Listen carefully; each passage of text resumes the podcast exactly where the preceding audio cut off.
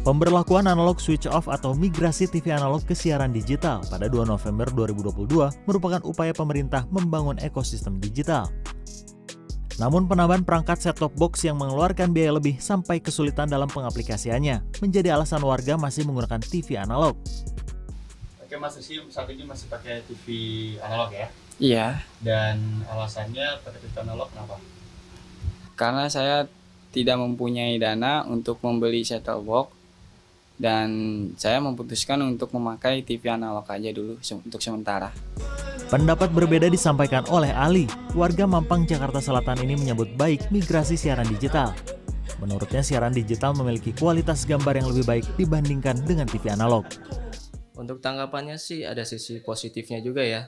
Ya terutama di TV digital eh, layarnya lebih cerah, lebih bersih.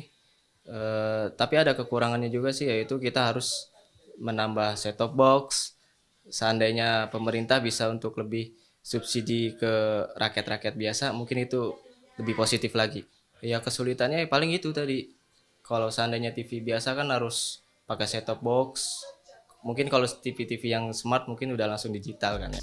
Trubus Rahardiansyah, pengamat kebijakan publik menilai banyaknya pro kontra terhadap migrasi siaran digital ini menunjukkan bahwa masyarakat belum siap untuk beradaptasi dengan pemberlakuan analog switch off.